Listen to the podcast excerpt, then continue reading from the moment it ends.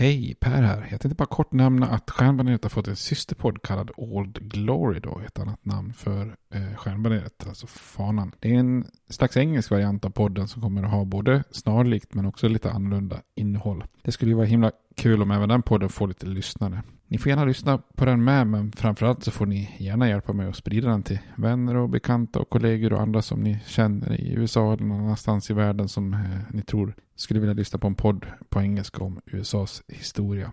Tack, det var bara det jag ville säga. Nu kommer avsnittet. Hej då! Ryan Reynolds här från Mint Mobile. Med priset på nästan allt som går upp under inflationen, trodde vi att vi skulle bring våra priser down. So to help us, we brought in a reverse auctioneer, which is apparently a thing. Mint Mobile unlimited premium wireless. Ready to get 30, 30, bit to get 30, bit to get 20, 20, 20, bit to get 20, 20, bit to get 15, 15, 15, 15 just 15 bucks a month. So, Give it a try at mintmobile.com/switch. slash $45 upfront for three months plus taxes and fees. Promo for new customers for limited time. Unlimited more than 40 gigabytes per month. Slows. Full terms at mintmobile.com. Hey, it's Ryan Reynolds and I'm here with Keith, co-star of my upcoming film If, only in theaters May 17th. Do you want to tell people the big news?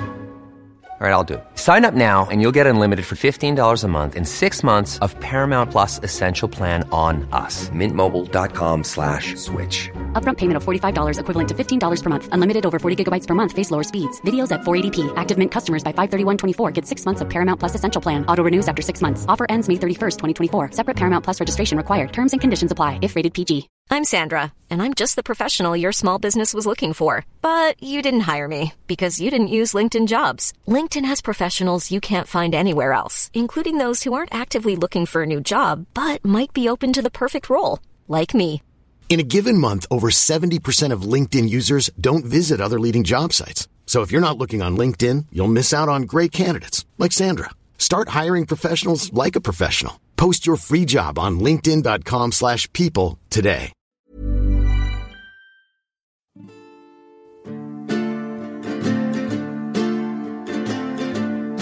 We hold these truths to be self-evident, that all men are created equal, that they are endowed by their Creator with certain unalienable rights, that among these are life, liberty, and the pursuit of happiness.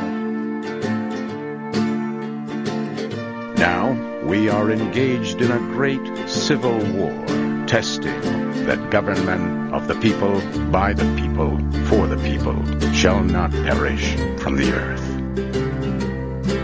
And so, my fellow Americans, ask not what your country can do for you, ask what you can do for your country. I have a dream. My four little children will one day live in a nation where they will not be judged by the color of their skin, but by the content of their character. Mr. Gorbachev, tear down this wall. I did not have sexual relations with that woman, Miss Lewinsky. Hej och välkomna till Stjärnbaneret, en podcast om USAs historia med mig Per Fjärdingby. Där vi kör på med den eh, serien här om afroamerikansk historia och medborgarrättskampen då.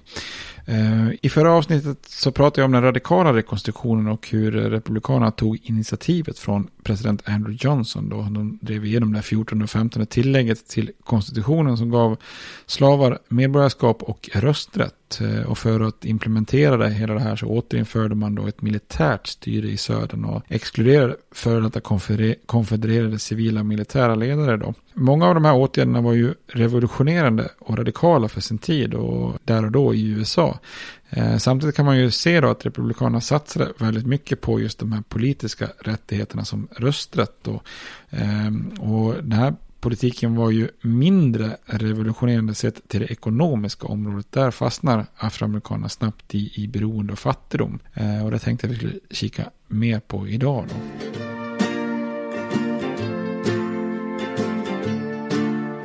Kollar man lite grann på hur samhället ser ut i södern under rekonstruktionen så på många sätt så är det ju ett samhälle som präglas av att armén fortfarande har ockuperar södern då. Att den här Freed, Freedman's Bureau eh, ger välfärd och social hjälp då. Eh, och sen så uppstår ju det här plantageodlarsystemet eh, som kallas för sharecropping då och den här Freedmans Bureau hjälper ju till med utbildning, sjukvård, juridiska frågor som eh, involverar afroamerikaner och socialhjälp till fattiga och så vidare. Då. Och den här fattighjälpen kom ju faktiskt även fattiga vita till hjälp då. Och vissa började ju stödja republikanerna då.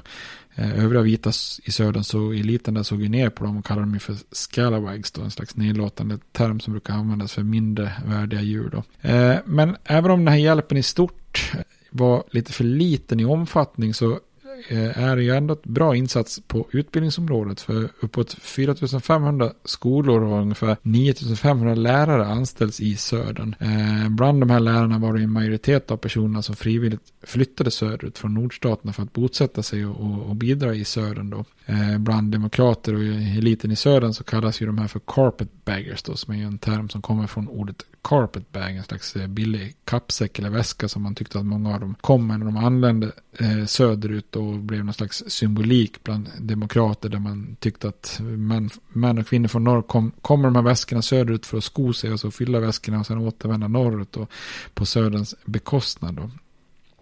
Men på utbildningsområdet så är det ju ändå Freedman's Bureau ganska framgångsrikt och afroamerikaner i alla åldrar utbildar sig i de här skolorna. Och den stora massan var ju inte läskunnig. Det hade ju varit förbjudet att lära sig läsa som slavar. Och för många forna slavar var det ju nästan symboliskt viktigt att lära sig läsa. Då. Eh, Booker T. Washington som vi kommer att prata mer om. Han mindes ju liksom, han mindes att it was a whole, it was a whole race trying to go to school, säger han då. Eh, och det finns de som beskriver det här med att barn i skolåldern kunde anlända till skolorna med både sin mormor och farmor och gammelmormor och liksom flera, flera generationer som i ett enda svep var ivriga att lära sig läsa och så vidare. Då. Eh, I New Orleans var till och med skolor integrerade under åren 1871 77, något som egentligen inte skulle bli aktuellt i södern igen förrän den här berömda domen Brown vs. Board of Education 1954. Men integrerade skolor var oftast undantaget och de, den vita i södern vägrade att skicka sina barn till samma skolor som, som svarta barn. Eh, integrerade skolor var inget man direkt kämpade på heller från någon sida. För afroamerikanerna var ju lite för upptagna för att ens kunna liksom upptog med att ens skaffa sig utbildning och brydde sig inte så mycket om att det var integrerade skolor över den här tiden. Då, så det var inte en viktig fråga. Eh, bland vita i södern så var ju tanken om att utbilda afroamerikaner helt absurt då. I flera generationer hade man ju sett på slavarna som en lägre ointelligent ras då. och De såg på de här försöken att utbilda afroamerikaner med, med misstanke och förakt och, och fientlighet. Det finns en vit kvinna som försäkrar en lärare så här. I do assure you, you might as well try to teach your horse or your mule to read uh, as to teach these niggers. They can't learn, säger de. Så det är liksom ungefär den allmänna inställningen uh, kring lärande och afroamerikaner i södern. Då. Och på många sätt så är den här inställningen lite av en, vad ska man säga, dubbelmoral. Eh, som mycket annat har varit i det här slavsamhället. Och för vita i södern visste ju mycket väl att afroamerikaner kunde lära sig att läsa och utbilda sig. För annars hade ju deras slavlagar som förbjöd eh, just att man lärde sig att läsa hade ju varit helt orationella och onödiga egentligen. Om, om det hade varit så att svarta av någon anledning inte hade kunnat lära sig att läsa så att säga. Under rekonstruktionen försökte ju många vita i södern hindra utbildning av afroamerikaner. Och så det var ju mycket skolor på bygden som brändes ner. Eller så blev de vita lärarna från norr hotade om att lynchas om de fortsatte att undervisa. undervisa och, och, ibland så förverkligade man till och med det här hotet och mördade vissa lärare. Då. Eh, armén kunde inte skydda alla överallt i södern. Eh, så att eh, mycket övergrepp, övergrepp begicks ju då. Hälsomässigt så skapade Freedmen's Bureau över 100 sjukhus som gav viss medicinsk hjälp till då en halv miljon forna slavar. Så där, eh, där, får, där är man också hyfsat framgångsrik. Juridiskt var det dock svårare för den här Freedmans Bureau att hjälpa till. Då. För vanliga domstolar i södern så vägrade ju att stödja svarta genom att de inte fick vittna eller sitta i, i juryn. Då. Eh, och byrån försökte ju ta sig runt det här genom att låta afroamerikaner ta upp sina fall i militära domstolar. Eh, men det här ogillades av, av USAs högsta domstol då. Eh, även om den leddes av eh, Samuel Chase som hade utsetts av Abraham Lincoln då kommer en viktig dom 1866 som kallas för Ex parte Milligan. Som handlar om en demokrat vid namn Lambdin Milligan som är emot kriget och tillsammans med några kumpaner planerar en konspiration mot staten eh, under slutet av inbördeskriget. Och de arresteras i Indianapolis i Indiana då och döms i en militärdomstol. Och högsta domstolen slår sedan då fast i det här fallet ex parter Milligan eh, att militära inrättningar som skapats av kongressen och presidenten då, som till exempel en militär domstol, även om den är i, i södern eller i nordstaterna, kan inte döma civila medborgare i geografiska områden som inte är i närheten av själva kriget eller inte befinner sig i ett krigstillstånd. Eh, och Indiana, Indianapolis är liksom inte vid fronten under kriget, så där, där kan inte en militär domstol gälla då. Eh, samma resonemang stödjer ju högsta domstolen gällande södern under rekonstruktionen. Kriget har ju upphört och även om militären eh, och deras domstolar finns i södern så har ju regionen då enligt domstolen fungerande civila domstolar i fredstid och därför ska då civila fall hanteras där. Så att den här domen slår ju, drar ju undan mattan lite grann för att svarta ska få hjälp av militärdomstolar då. Och som vi kommer att se så är det här resonemanget också något som senare öppnar upp för ytterligare juridiska tolkningar som, eh, som medel för den vita makten att ta rättigheter ifrån afroamerikaner och bana vägen för de här senare lite kända Jim Crow-lagarna.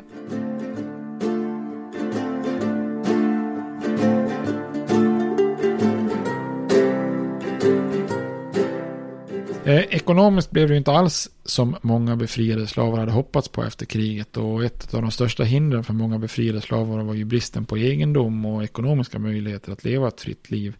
Eh, det görs ju en rad experiment redan under kriget med att låta befriade slavar ta över verksamheten från plantage då, som har övergivits av vita rebeller. Eh, ofta skedde det på, på, eh, på öar och kuststräckor längs eh, söderns kuster. Då. Eh, och när unionsflottan kom och, och, tog över så flydde ju eh, liksom den civila befolkningen och kvar fanns plantager med sin arbetskraft men utan arbetsledare då.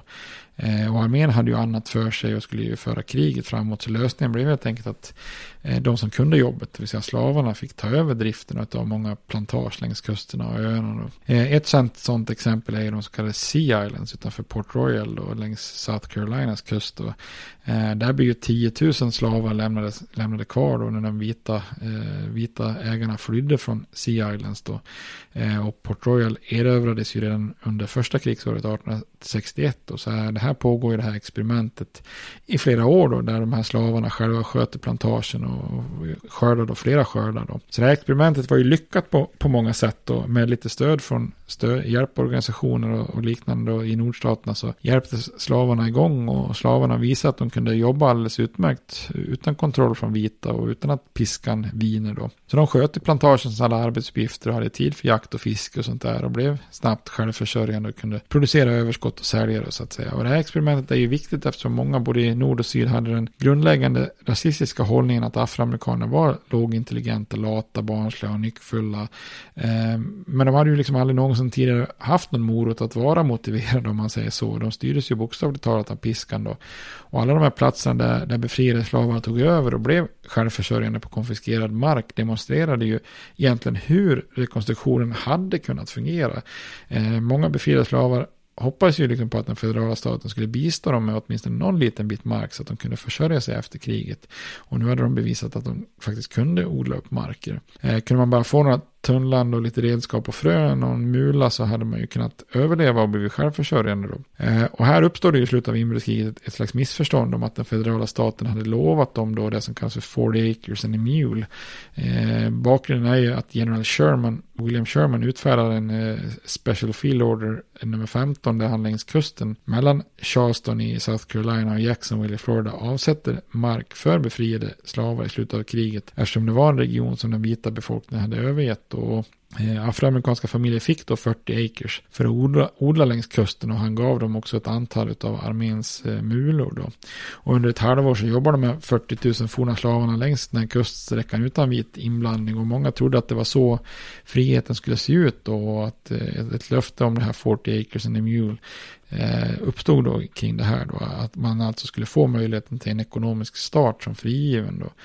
Eh, och många friade slavar trodde ju på det här löftet även efter kriget, men så blir det liksom aldrig. Eh, precis när general Oliver Howard, som var, bland annat var med vid slaget i Gettysburg, eh, som var chef då för Freedmen's Bureau, eh, börjar förbereda för att dela upp konfiskerad mark så kommer ju då orden från president Johnson där direkt efter kriget att konfiskerad mark inte ska distribueras ut utan omedelbart lämnas tillbaka till sina ursprungliga plantageägare direkt bara de svär unionen trohet. Då. Och som den verkställande maktens högsta höns så väljer ju presidenten att använda sin makt och sparkar egentligen då alla generaler och agenter som inte lyder det här.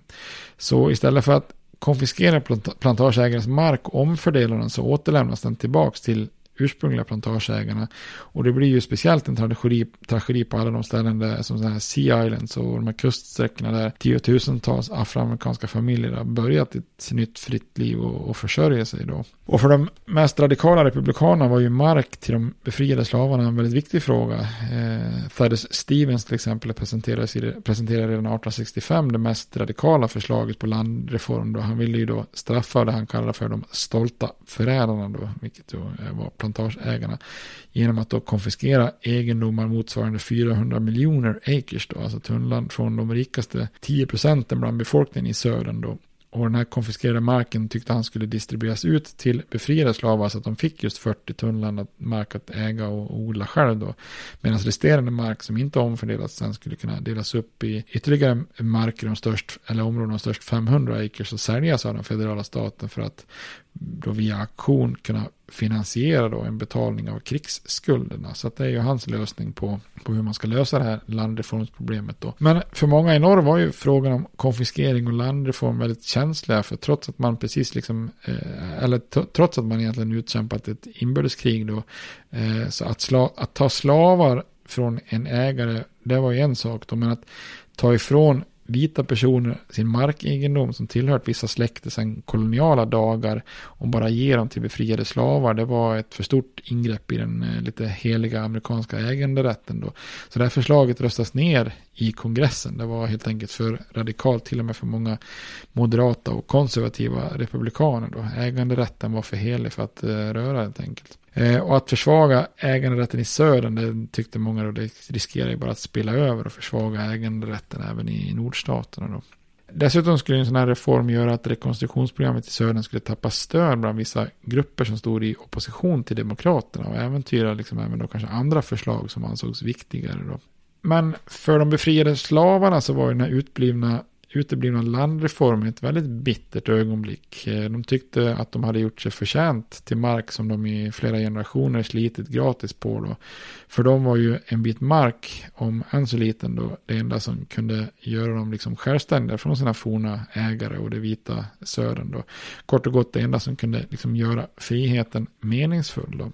Republikanerna försöker då kontra presidenten och, förenkla friheten med en till så kallad Homestead Act. Eh, jag pratar i, i serien om västern om den första och kända eh, liksom Homestead Acten, alltså eh, den här banbrytande lagen som, eh, som gällde stora delar av den federala västern som röstades igenom redan 1862 då, när folk kunde ta mark i anspråk och, och, och, och bli ägare av den marken de tog i anspråk om de flyttade västerut och, och började odla upp den då så att säga. Men Eh, den här vanliga, eller ursprungliga Homestead-akten, den hjälper ju inte speciellt många forna slavar, de har ju inte råd att flytta västerut västerut, eller kunde inte ens ta sig dit på grund av de här lösdriverilagarna. Då. Men mindre kända är ju att man faktiskt också då röstar igenom då republikanerna någonting som heter Southern Homestead Act eh, 1866. Och det är ju en, en lag då som öppnar upp då för eh, 17 eh, eller för, för ett stort område, för, område, federala områden i Alabama, Mississippi, Louisiana, Arkansas och Florida eh, öppnas upp då för nybyggare oavsett ras så att säga då. Men den här lagen blev en väldigt stor flopp för det här området som man öppnar upp var till stora delar ganska värdelös mark då. Och den marken som var okej okay, hjälpte inte så mycket forna slavar. Eh, de hade liksom för lite pengar och resurser för att kunna överleva liksom tills första skörden var, var gjord. Även om de kunde slå sig ner och ta land i anspråk. Då. Eh, så i slutändan så är det kanske ungefär runt 4 000 svarta familjer som gjorde anspråk på mark, då främst i Florida. Men eh, ytterst få av dem hade egentligen praktisk möjlighet att verkligen lyckas. Så i slutändan så, så är det nästan inga som, som blir landägare i södern då, bland afroamerikanerna. I slutändan skulle till och med då ett antal timmerföretag i södern köpa upp den här marken istället. Så för de befriade slavarna så är det här en enorm besvikelse. Då. Efter fem års krig så ställer sig presidenten och myndigheterna på plantageägarnas sida och inte, inte på deras sida. Då. Och, och utan en omfördelning av land i södern och ingen genomgripande ekonomisk och social reform i, i södern blir ju liksom möjlig när man inte kan klara sig ekonomiskt. Då.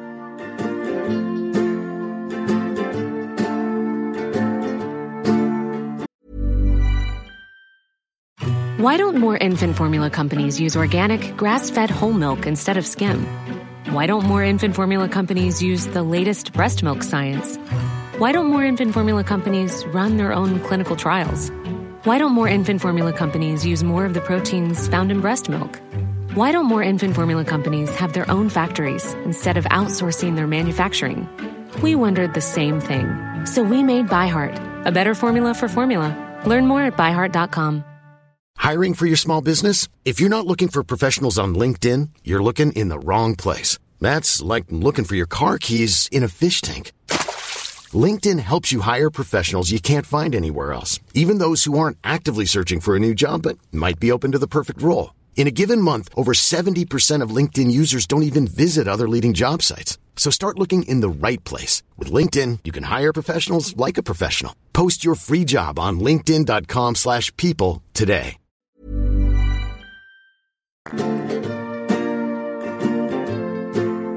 Istället för landreform så uppstår det ju ett nytt ekonomiskt system i södern där plantageägarna skriver kontrakt med sina forna slavar och den allra vanligaste formen och varianten blir det som kallas för sharecropping då. Eh, svårt att översätta egentligen men man kan väl översätta det med någon form av andelsodling eller delskördning eller någonting sånt där. Ja, och det här var ju knappast ett system som gynnade de befriade slavarna ekonomiskt. Eh, sharecropping är ju liksom någon form av arrende kan man säga, där de forna slavarna skriver ett kontrakt med markägaren, eh, alltså oftast då plantageägaren som var deras forna ägare också då. Och i kontraktet så fick man arrendera en bit mark eh, att odla på i utbyte mot att en andel av skörden när den är skördas då är klar Eh, betalas in då, alltså en share av kroppen så att säga, därför sharecropping. Om man ska komma ihåg att södern är ju ett samhälle där det knappt existerar cash. Eh, plantageägarna kan ju liksom inte betala löner i reda pengar utan, eh, eh, utan man, man får ju jobba då med skörden i, i, i utbyte istället då för lön eller istället för hyra kan man säga då. Man får ju då helt enkelt dela om egentligen hur stor andel av skörden som ägaren ska ha och hur stor andel som den så kallade sharecroppen får behålla. Då. Och eftersom befriade slavar inte hade några resurser och verktyg och sånt där så fick de ju ofta hyra eh, det av markägaren eller plantageägaren och i kontrakten så kunde det ju ingå saker som enkla boenden, kläder och mat och sånt där. Så sharecropping som system det innebär ju då att de befriade slavarna skrev kontrakt med en plantageägare, eh, arrenderade den här biten av mark, jobbar på fälten i utbyte mot boende, en mula, verktyg, frön och i slutändan då en andel av sin skörd, oftast en tredjedel eller, eller hälften av skörden. Och på ytan så ser ju sharecropping ut att vara precis det system som man i nordstaterna önskade sig för de befriade slavarna, alltså en fri marknadslösning där arbetsgivare och arbetstagare kom överens och förhandlade. Och givetvis fanns det vissa positiva sidor då. En viktig skillnad eh, var ju att som slav hade man ju inte direkt haft något kontrakt och, och fördelen för de forna slavarna var ju att de fick styra och planera sitt eget arbete och på den vägen då kände sig befriade som individer och inte sällan var det ju skönt bara att, inte, eh, att, att man liksom inte behövde bo alldeles precis i närheten av plantageägaren utan kunna bo en bit bort liksom om möjlighet fanns liksom så att man kunde få lite mer eh, distans till, till slavägaren eller till den forna slavägaren då. Men i verkligheten så var var ju nackdelarna med det här systemet enorma då. Det här är ett system som så att säga är ursprunget eller sprunget ur de här så kallade black codes och tanken var ju att hindra afroamerikaner att flytta och att göra dem beroende och få dem att fastna och att kunna exploatera dem som billig arbetskraft. Och, eh, för det första så var det så att den afroamerikan i södern som inte skrev på hade ett kontrakt att hänvisa till kunde helt enkelt arresteras då för lösdriveri. Så det fanns liksom ingen frivillighet att inte ha ett kontrakt.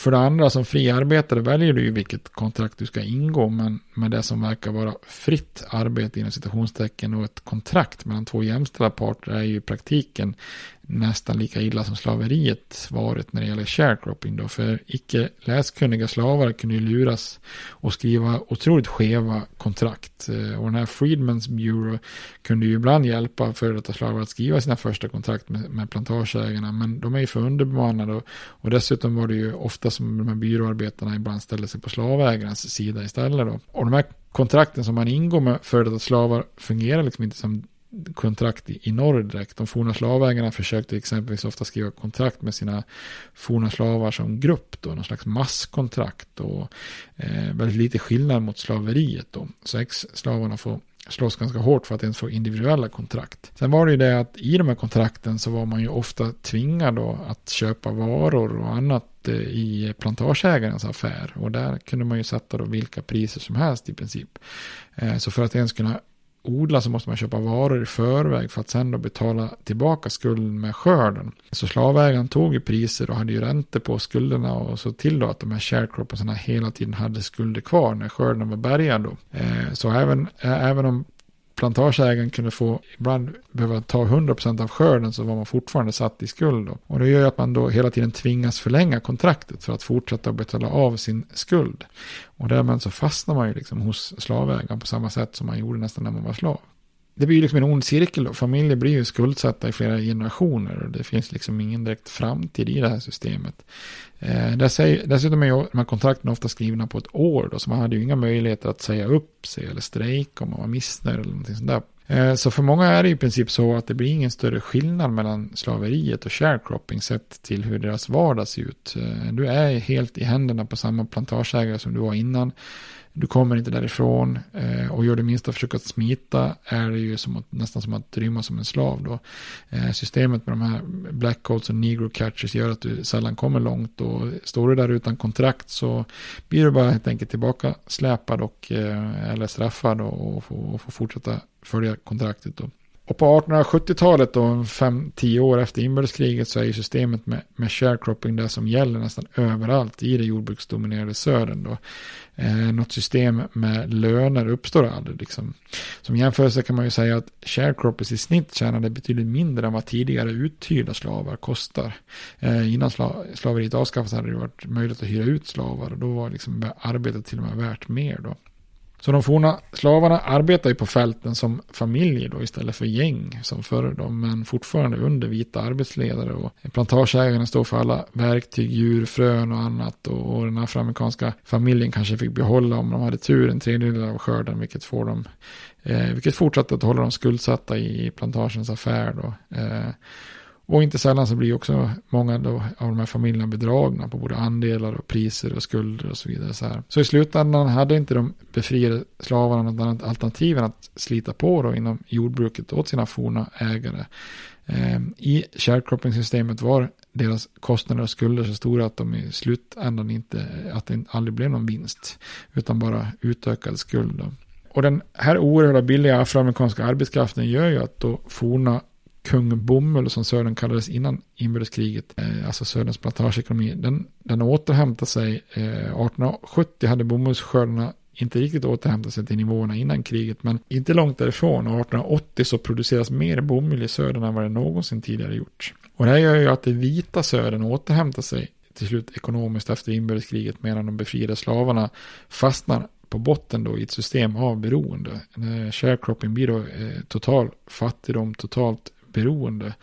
Eh, det blir ett system där man så att säga är fria men ändå inte. Så ekonomiskt är det ju tufft för, de här befriade slavarna. De har ingen mark, inga pengar och många hamnar snabbt i skulder. Och de få som har pengar står ju också utan institutioner. För det finns ju ingen bank driven av vita ägare som vill ha med afroamerikanska kunder att göra. Då. Redan 1865 försökte kongressen Eh, lösa det här genom att göra klartecken för en slags sparbank som fick namnet Freedmen's Savings and Trust Company. Eh, och den här banken hade ju egentligen ingen koppling till Freedmen's Bureau även om namnet var snarlikt utan eh, sköttes helt som en privat bank. Men banken marknadsfördes med bilder på Abraham Lincoln och så många sparare trodde säkert att det var en federal myndighet på, på något sätt då, eller att det hade koppling då. Det var ju extremt få afroamerikaner i södern som hade något kontant vid den här tiden då, men svarta veteraner från kriget och vissa hantverkare, kyrkan och liknande organisationer kunde ju ändå skrapa ihop lite mindre belopp då. Insättningar i den här banken på över 50 dollar var ju extremt ovanliga men vissa satte in så lite som bara några cent. Då. Men den här satsningen blir också ett stort ekonomiskt misslyckande. och eh, Få afroamerikaner var ju delaktiga i bankens ledning då. Eh, vita ekonomer som styrde investeringarna eh, gjorde det i riskabla satsningar och när lågkonjunkturen kom med den så kallade paniken 1873 så, så närmade sig banken ganska snabbt konkurs då. Så i ett desperat försök att rädda banken så lyckas, försöker man övertala Fredrik Douglas då som då går in som styrelseordförande och, och både sätter sitt goda namn bakom företaget men också investerar 10 000 dollar av sina egna pengar i banken. Men det här hjälper inte och året därpå då 1874 så går den här banken omkull. Eh, Douglas och eh, tusentals småsparare över hela södern då förlorar mer än en miljon dollar då, alltså afroamerikanska småsparare. Och många afroamerikaner ansåg ju att den federala staten helt enkelt var skyldiga dem pengar och fortfarande en bit in på 1900-talet var det många som fortfarande skrev till kongressen och efterfrågade sina pengar eftersom man då förknippade den här banken eh, så, så hårt med federala myndigheter.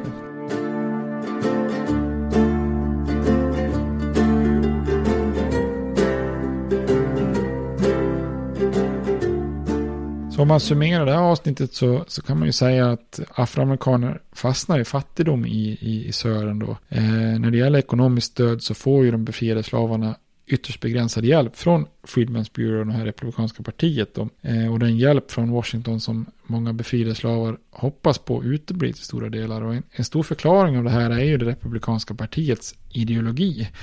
Eh, många republikaner tror ju stenhårt på den här principen som på den här tiden kallas för free labor, alltså fritt arbete. Att fria medborgare som arbetstagare kommer överens med arbetsgivare via kontrakt och att man då har tillgång till de medel man tjänar och arbetar för sin egen försörjning då. Eh, det ser man ju som något som skapar starka medborgare. Eh, alltså en fri marknadsekonomi är liksom parollen då. Republikanerna hade ju till och med som slogan haft liksom då i, i olika val då, free men, alltså för att avskaffa slaveriet, free labor och free soil då. Och det här stod ju då i egentligen kon, total kontrast eller motsats till slaveriet då. Eh, och det här är ju inom republikanerna nästan en slags religiös ideologi. Och det här förklarar ju en hel del. Dels varför slavarna, slavägarna i södern hatar republikanerna så intensivt då. Men också dels de lösningarna som republikanerna driver igenom under rekonstruktionen. Eh, många republikaner i norr tyckte att slavarna är fria och kan förhandla kontrakt. Ja men då är man ju i mål. Längre än så behöver man inte gå. Eh, free labor är per definition etablerat när slaveriet är avskaffat. Då. Och intentionen med den här Freedmen's Bureau hade varit god från republikanernas sida och de hade ju hjälpt många forna slavar i steget över till ett fritt liv. Men den här myndighetens mandat och numerär och resurser och finansiering hade ju varit alldeles för knapp för det enorma uppdraget de hade framför sig. Får komma ihåg att det är nästan fyra miljoner slavar som frigörs då. Dessutom var ju byrån konstant motarbetad av den här stora massan av vita i södern vars agenda då var diametralt motsatt då republikanernas. Så redan 1868, tre år efter kriget, så upphörde Freedmen's Bureau att existera men eh, flera delar av verksamheten levde kvar i ett antal år som skolor. Men ekonomiskt så har ju rekonstruktionen då misslyckats. Eh, slavarna kompenseras inte för sina århundraden av obetalt arbete eh, som gör att de då får en ekonomisk bas att, att, att stå på. Utan eh, de får ju varken land eller ekonomiska förutsättningar för att leva egentligen ett fritt liv då. Fredrik Douglas exempelvis ville ju inte att afroamerikaner skulle behandlas annorlunda än andra men han förväntar sig lika förutsättningar. Han säger bland annat så här, What I ask for the negro is not benevolence, not pity, not sympathy, but simple justice. All I ask is give him a chance to stand on his own legs. Eh, och de radikala republikanerna ska ju ha beröm för att de kämpar hårt för att ge afroamerikaner civila och politiska rättigheter i, i en era när relativt få trodde på jämlikhet mellan raserna så att säga då. Eh, men slavarna, eller de befriade slavarna behövde ju mer än de lika rättigheterna då. Få kunde ju läsa, få kunde annat yrke än att jobba på bomullsfälten och liksom århundraden av slaveri hade ju gett dem noll i förberedelse på hur livet i övrigt fungerade för en fri person i USA, både rättigheter och skyldigheter. Så att här får inte slavarna någon, liksom någon ekonomisk bas att stå på. Eh, och nationens, USAs misslyckande att ge de här forna slavarna ekonomisk och social hjälp lämnar ju då afroamerikanerna i södern med ett väldigt tungt arv av fattigdom, obildning och underutveckling på nästan alla plan som skulle bli ett arv som nästan lever kvar eh, så långt som än idag. Då. Och det här är ju det största misslyckandet av alla under rekonstruktionen Eh, är ju i princip det ekonomiska planet då. Eh, eh, inte inom något annat område är det ju så uppenbart att det saknades en långsiktig plan för de befriade slavarna. Ni vet jag pratade tidigare om det här med två steg. Ett är ju slaveriets avskaffande. Två är ju vad som ska hända med slavarna här och hur ska de integreras. Och ekonomiskt så blir det ju i princip nästan ingen skillnad mellan frihet och slaveri. Då. Så republikanerna under rekonstruktionen hade ju satsat mer på frågan om rösträtten än, landreform. Då. Eh, och med facit i hand så kanske de radikala republikanerna inte helt enkelt valde fel strategi och, och satsade på fel område. Jag tänkte att vi skulle kolla på mer om det i nästa avsnitt. Tills dess får ni ha det bra. Sköt om er. Hej hej. States like these and their terrorist allies constitute an axis of evil. And if the hippies and the yippies and the disruptors of the systems that Washington and Lincoln as presidents brought forth in this country will shut up and work within our free system of government, I will lower my voice. If the impeachment provision in the Constitution of the United States will not reach the offenses charged here, then perhaps that 18th century Constitution should be abandoned to a 20th century paper shredder. Therefore, I shall resign the presidency effective at noon tomorrow.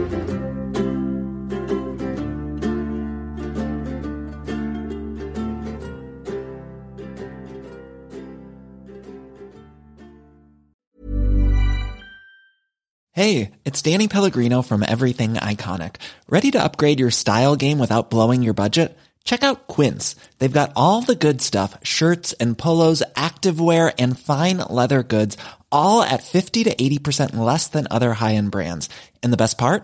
They're all about safe, ethical, and responsible manufacturing.